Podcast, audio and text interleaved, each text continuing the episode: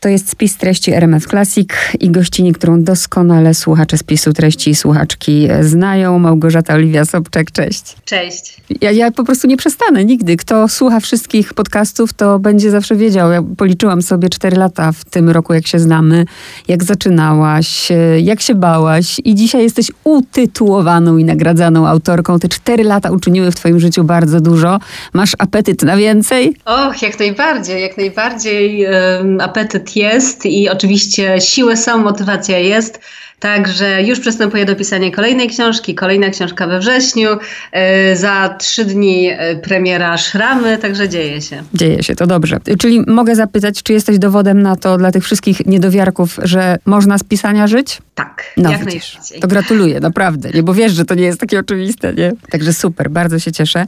Jestem wśród tych, którzy nie pominęli żadnej twojej książki, czytają każdą, która się ukazuje i Kolory Zła, z tego co wiem, to już ruszył plan filmowy, tak? Tak, ekranizacja Czerwieni jest w zaawansowanym stadium, także realizuje się. Na razie nic nie mogę specjalnie zdradzić, ale e, już wiemy, kto zagra główne role. Mamy prokuratora Leopolda Bilskiego, którego zagra Jakub Gierszał i Helena Bogucka, sędzia, e, którą zagra Maja Ostaszewska. To bardzo mi się podoba ta Gierszał, szczególnie, e, no powiem ci, ciekawa jestem, bo bardzo lubię tego aktora, aczkolwiek wydawałoby mi się, że Bilski jest trochę starszy, ale dawno Gierszała nie widziałam, więc też wiadomo. No powiem ci, że właśnie dużo czytelników zwraca uwagę, że wyobrażali sobie starszego Leopolda Bliskiego. Jak sprawdziłam, to okazuje się, że są dokładnie w tym samym wieku. No proszę. E, także, także Giersza może nie do końca wizualnie się wpisuje w tę postać, ale tym bardziej jestem zafrapowana, bo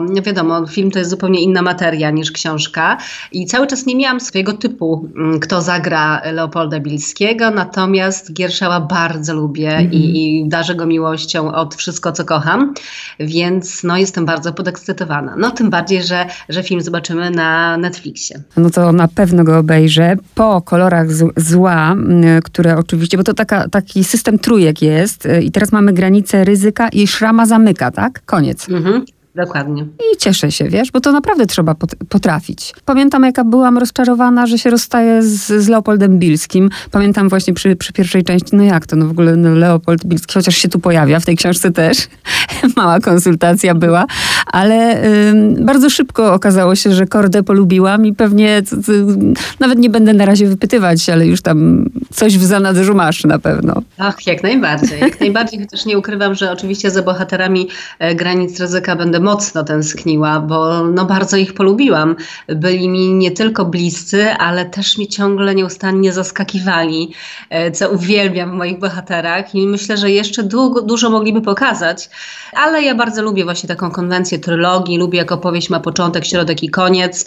No i to jest taka właśnie narracja, że faktycznie można wgłębić się w temat, wgłębić się w postaci, a zarazem nie, nie przygnieść tej metanarracji. Ja zawsze jestem przygnębiona przy rozmowach o twoich książkach w ten sposób, nawet przed, to sobie myślę tak, dobra, o to nie mogę zapytać, o to nie mogę zapytać, no bo od razu bym bardzo wiele zdradziła. O to bym chciała zapytać dlaczego, ale też nie mogę, bo od razu zdradzę i byłam sfrustrowana i myślę, no ciekawe, o czym my będziemy rozmawiać, no to y, będziemy rozmawiać dookoła, że no bardzo się cieszę, że awansowałaś kordę. Należało mu się. Tak, Kordzie się należało jak najbardziej. E, no jest pracowity, zaangażowany, ma fajną intuicję, a zarazem też pozwala sobie pomóc, co, e, co nie zawsze też jest takie, takie oczywiste, bo czasami są właśnie śledczy, które są bardzo samodzielni, wszystko chcą dojść do wszystkiego samodzielnie i, i właśnie nie biorą, nie tak asymilują tej takiej pomocy z zewnątrz, a Korda jak najbardziej e, współpracuje i z Janiną Chińc, ekolożką sądową, która tutaj zaczęła odgrywać jedną z głównych ról e, z dziennikarką Alicją Grabską, także mamy tutaj teraz nie tylko duet, ale też taką trójcę świętą w tej książce. No i właśnie znów się muszę gryźć w język teraz e, i to bardzo poważnie, więc um, o co by cię tu zapytać? Może o, o, to, że ostro zaczynasz tę książkę, e, wiesz, mia miałam nawet takie wrażenie, ty już jakby piszesz filmowo. Prolog jest mocny, muszę przyznać. Kiedy napisałam prolog Szumu, e, który później odsłuchałam sobie w słuchowisku, to stwierdziłam, aha, to jest chyba najmocniejsze, co napisałam w życiu, ale kiedy teraz czytałam prolog, ostatnio prolog Szramy, stwierdziłam, że znowu sama siebie przebiłam, więc zaczyna się bardzo mocno i wydawałoby się, że, że faktycznie no tutaj mamy taką do czynienia z takim bardzo okrutnym modus operandi sprawcy, więc niektórzy mówią, że to jest jedna z najmocniejszych moich książek. Z drugiej strony przekornie jest to właśnie taka książka o miłości, o poszukiwaniu miłości i o tym, że czasami to pragnienie drugiej osoby jest tak samo silne jak takie pierwotne odruchy, jak oddychanie czy przełykanie. To, co mamy na okładce i to, drodzy słuchacze, co możecie, co możemy wam zdradzić, to, że wiadomo, dochodzi do morderstwa. E, nie jednego zresztą. E, no i wchodzi do akcji Oskar Korda z, z dziennikarką i z Janiną Hinz, która mnie chyba w tej części, wiesz, ona mnie najbardziej fascynowała. Mnie w ogóle kilka razy musiałam nawet się zatrzymywać, bo nie mogłam wytrzymać z ciekawości i sprawdzałam różne rzeczy w słowniku, bo używasz tak. słów, których nie znałam. Przypomnij słuchaczom i słuchaczkom, Czym ona się zajmuje i, i, skąd ty tę wiedzę czerpałaś? Czy od kogoś, czy z książek? E, Janina Hinz jest ekolożką sądową, czyli inaczej e, palinolożką kryminalistyczną. E, to jest taka dziedzina, wyspecjalizowana dziedzina biologii, która powstała 40 lat temu, ale w większości państw jeszcze nie jest praktykowana. I ona zajmuje się taką analizą, interpretacją śladów przyrodniczych zbrodni. To znaczy skupiamy się tutaj na tak zwanym kurzu przyrodniczym, czyli na pyłkach, y, na ziarnach pyłków, na składzie gleby, na mikroorganizmach, na y, jakichś zarodnikach grzybów. No i tutaj, tak jak w szumie, skupiłam się troszeczkę na takiej, takim śladem przyrodniczym. Była jedna z y, większy, największych ciem nocnych z Atlas. Tak?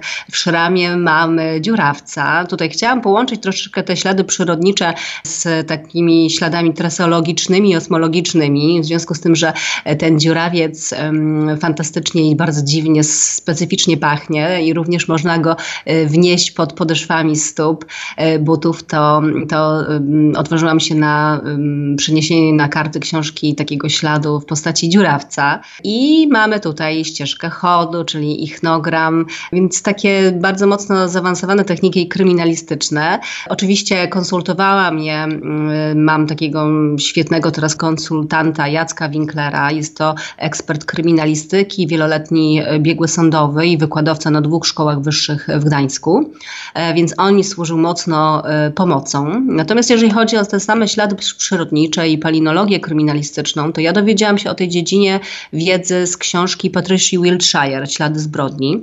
Patricia Wiltshire była taką właśnie no, jedną z pierwszych badaczek tego typu i ona napisała książkę, która, która jest bardzo osobista. No, opowiada w jaki sposób w ogóle zajęła zajęła się e, tą dziedziną wiedzy, mm, opowiada też o swoim dzieciństwie, opowiada o sobie, o swojej fascynacji śladem przyrodniczym. Więc kiedy wzięłam do ręki książkę Patricia Wiltshire, od razu stwierdziłam, że chciałabym e, skonstruować postać, która były, byłaby e, oparta na, na tej autorce.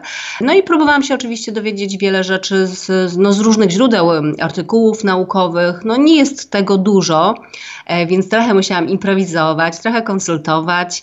No ale sama jestem totalnie zafascynowana e, tą dziedziną i myślę, że w każdej kolejnej mojej książce ona gdzieś tam będzie się pojawiać. Tak, i wzbudza fascynację. Tam nawet jest taki moment, ja teraz nie pamiętam dokładnie o dron chyba chodziło i ty tam troszkę puszczasz oko, że no, żyjemy w Polsce, to jeszcze nie ten czas, ale mhm. naprawdę to jest taki fascynujący świat tej technologii, że, że można na podstawie, nie wiem, muchy albo zapachu, mhm. albo odległości coś ustalić, no i szapoba dla Janiny. Tak. Janina no, tutaj no, naprawdę... Daktyloskopia, daktyloskopia e, czy, czy też e, metoda profilowania DNA to są niewątpliwie takie e, metody, które zmieniły w ogóle świat medycyny sądowej.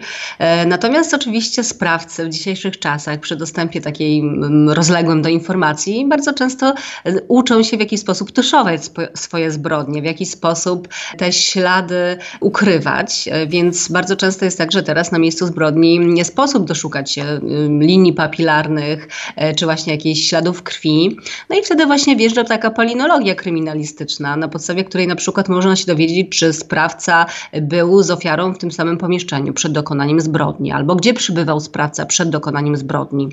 Patricia Wilshire też opowiadała o takiej sytuacji, gdzie, gdzie śledczy mieli już sprawcę, złapali mordercę, natomiast sam morderca nie pamiętał, gdzie zakopał ciało swojej ofiary, mm, bądź nie chciał powiedzieć, mówił, że nie pamięta. No i Patricia Wiltshire za pomocą e, zebrania tego tak zwanego w cudzysłowie kurzu, e, z jego ubrań, z jego podeszw, jego butów, e, z bieżników opon samochodu, wskazała dokładnie, gdzie to ciało jest ukryte. Przypominam sobie, mam nadzieję, że dobrze pamiętam, że to było przy pierwszej części serii Granice Ryzyka, gdzie zawdzięczałaś aplikację siostrzenicy.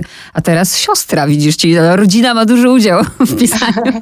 No tak, siostra tutaj mi podpowiedziała fajną rzecz, co mi się bardzo rzadko zdarza, bo sobie siedziałyśmy na terasie i tak właśnie opowiadam jej o pomyśle na książkę. Sam pomysł przyszedł do mnie przez właśnie taki dokument produkcji HBO y, Obsesja zbrodni. On był y, wyprodukowany na podstawie książki Michelle McNamary o tym samym tytule. Michelle McNamara była dziennikarką śledczą i taką no, twórczynią bardzo poczytnej strony internetowej True Crime Diary. I ona właśnie napisała książkę, tak, taki reportaż w zasadzie o seryjnym mordercy z lat 70., 80., który, który oczywiście działał w Stanach Zjednoczonych i przez 40 lat nie był ujęty.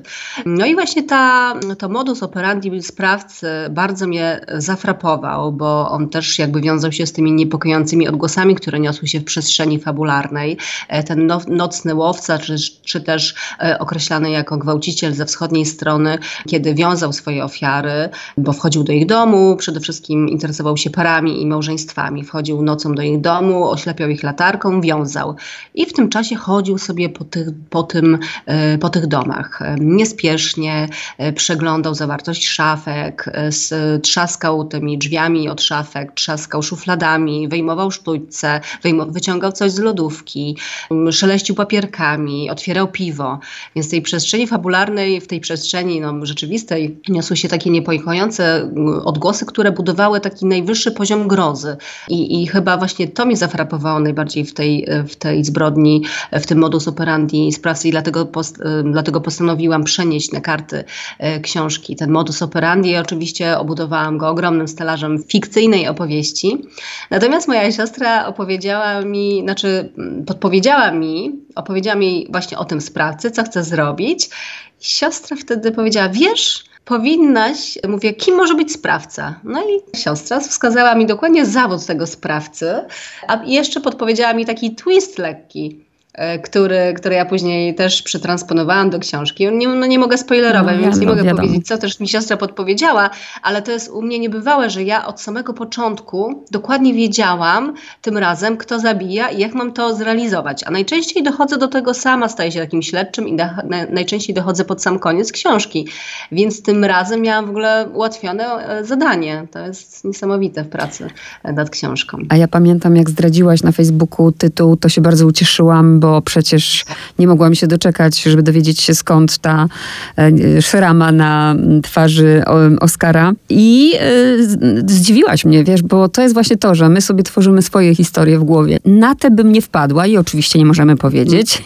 coś, coś tak, ale ja mogę powiedzieć, w jaki sposób wpadłam na tę historię. O. W ogóle to jest tak, że ja od samego początku wiedziałam, że ta blizna Oscara Kordy jest ważna.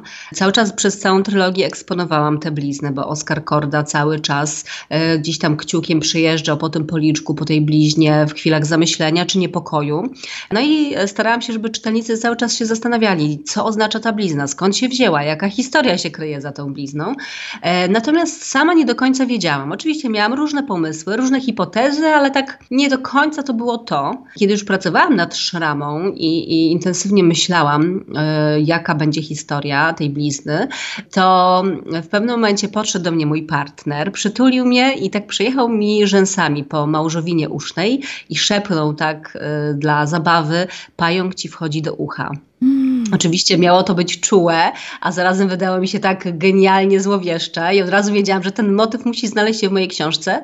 I właśnie w ten sposób wszystkie elementy wskoczyły na miejsce. Dokładnie, dokładnie w tym momencie Oskar zyskał swoją historię, wszystko stało się dla mnie jasne. Dzięki, że o tym powiedziałaś, bo ja właśnie to było moj, jedno z moich pytań, bo z kolei moje skojarzenie z, to było z dzieciństwem, gdzie mama na dobranoc mi mówiła karaluchy pod poduchy. Aha. No i śpi. Tak, pająk wchodzi ci do ucha też jest mocne, rzeczywiście.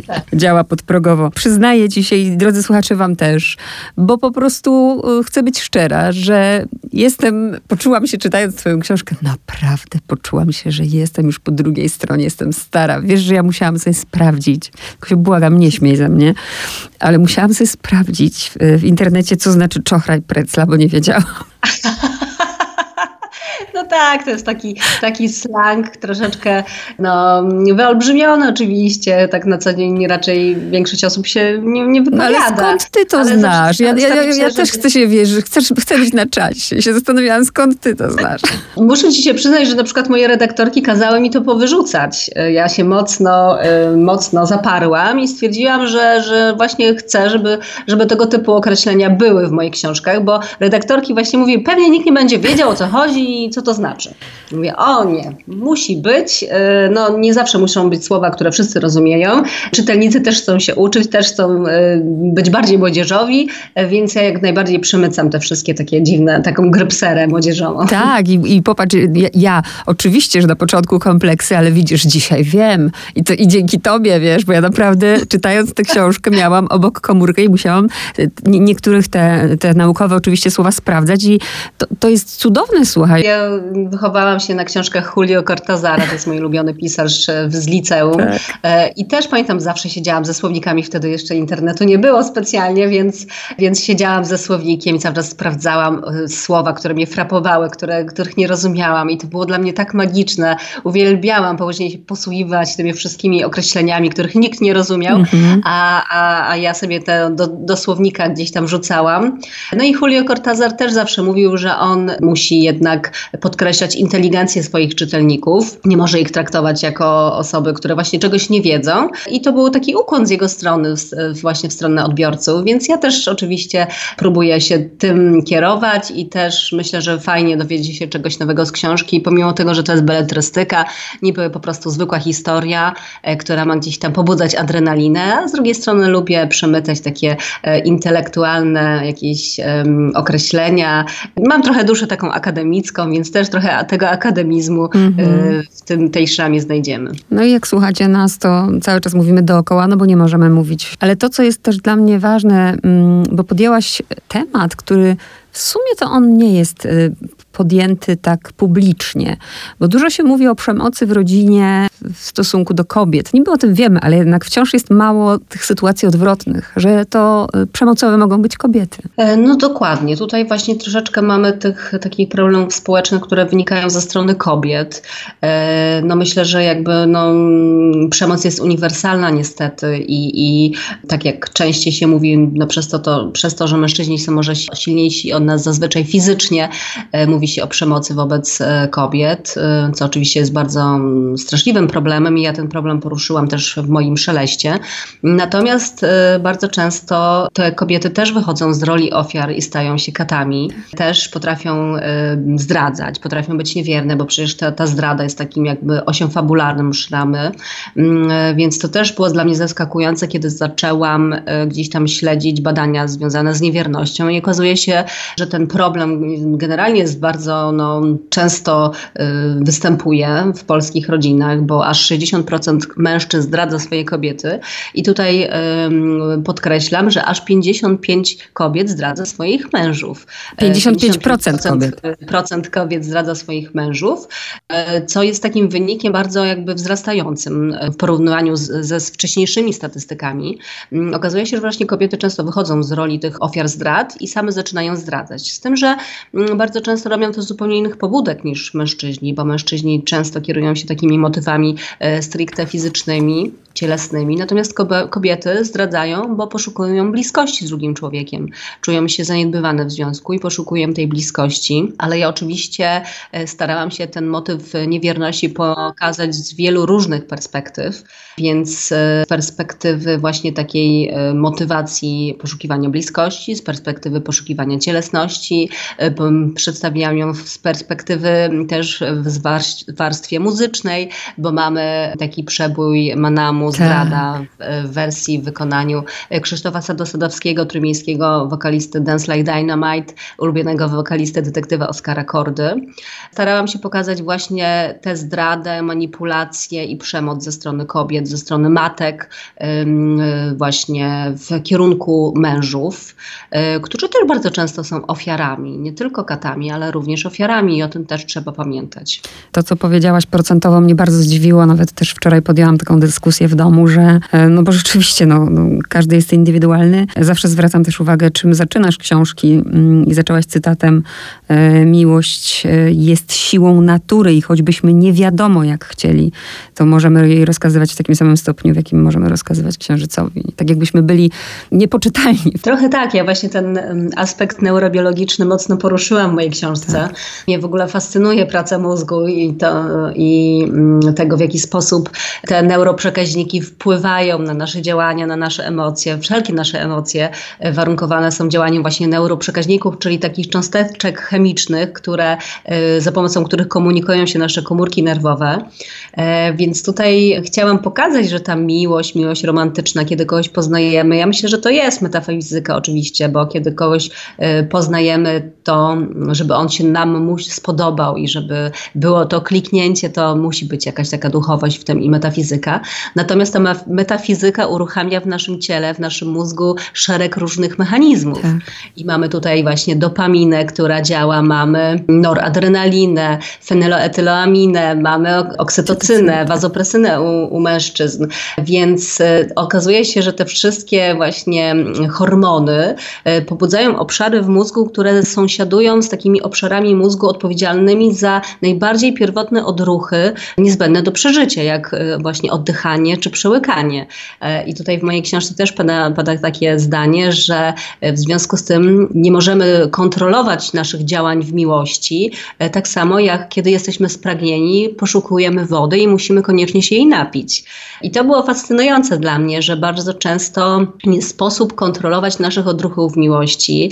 Ta miłość staje się niekiedy obsesją i badacze też y, odkryli, że nasze takie kompulsywne działania y, i odruchy, kiedy stracimy tę miłość, kiedy y, ktoś nas porzuci y, lub kiedy miłość jest nieodwzajemniona, są bardzo podobne do takiego odstawienia narkotyków, tak. do głodu narkotykowego. Więc starałam się właśnie pokazać też z tej perspektywy niewierność y, i, i kwestie zdrady. Choć oczywiście mamy ciało migdałowate, które odpowiada za mm, właśnie rozpoznanie dobra i zła, za kontrolowanie działań.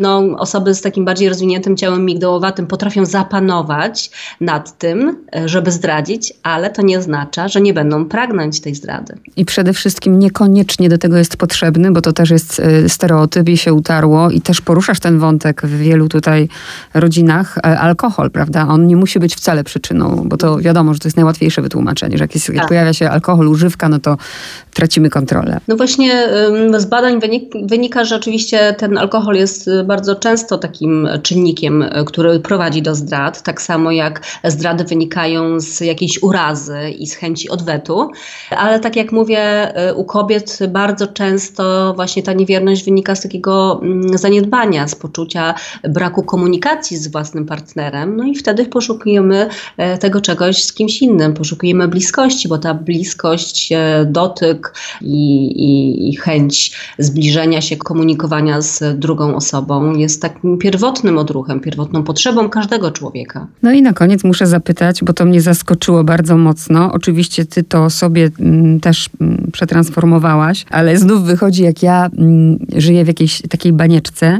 y, bo nawiązuję do, do tej przestrzeni Last Supper. Mhm. To, tak żeby za dużo nie zdradzać, myślę, że możesz powiedzieć, czym jest i, i czym się inspirowałaś do stworzenia tej przestrzeni. Stworzyłam taką społeczność Last Supper, czyli nie Last Supper jako ostatnia wieczerza, tylko Last Supper jako, jako taka wieczerza rządzy. Jest nawet takie pojęcie Lustmord niemieckie, co też jest fascynujące i też mi super się fajnie wpisało. I chodzi o to, że ta społeczność łączy ludzi którzy mają pragnienie zdrady.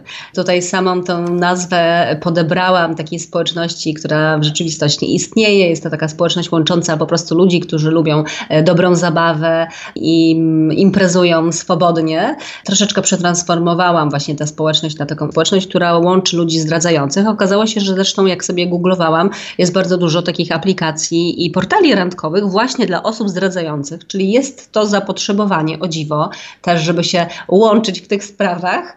No i tutaj trochę pojawia się darknet tak. y, i, tutaj komunikatory takie właśnie y, w tej, działające w tej y, sferze internetowego, y, internetowej ciemności. Więc oczywiście te nowoczesne technologie jak najbardziej również przemyciłam w szramie, no bo te nowoczesne technologie łączą też całą tę trylogię. Ja zastanawiałam się właśnie, jak czytałam, czy ja dużo tracę, że nigdy nie byłam w darknet internecie, czy wręcz odwrotnie moją rozrywką największą jest czytanie książek. Może na tym poprzestanę. No ja też nigdy y, nie byłam w Darknecie, przyznam się. Tutaj wiedzą służył mi mój konsultant Paweł, który jest informatykiem i który bardzo często odpowiada na moje różne dziwne pytania, e, więc bardzo dziękuję. No chyba, chyba też nie mam takiej, takiej potrzeby, choć oczywiście jest to frapujące zagadnienie i tak to jest, że w, tej, w tym Darknecie nie zawsze znajdujemy tylko jakieś nielegalne sprawy. E, jest tam masa normalnych rzeczy, które tak samo w tym internecie hulają, jak, jak w tym takim zwyczajnym internecie. E, no ale oczywiście różne ciemne procedery też się tam odbywają. Na razie cieszcie się szramą z Małgorzatą Oliwią Sobczak. Na pewno się jeszcze spotkamy. Dziękuję Ci za rozmowę. Dziękuję.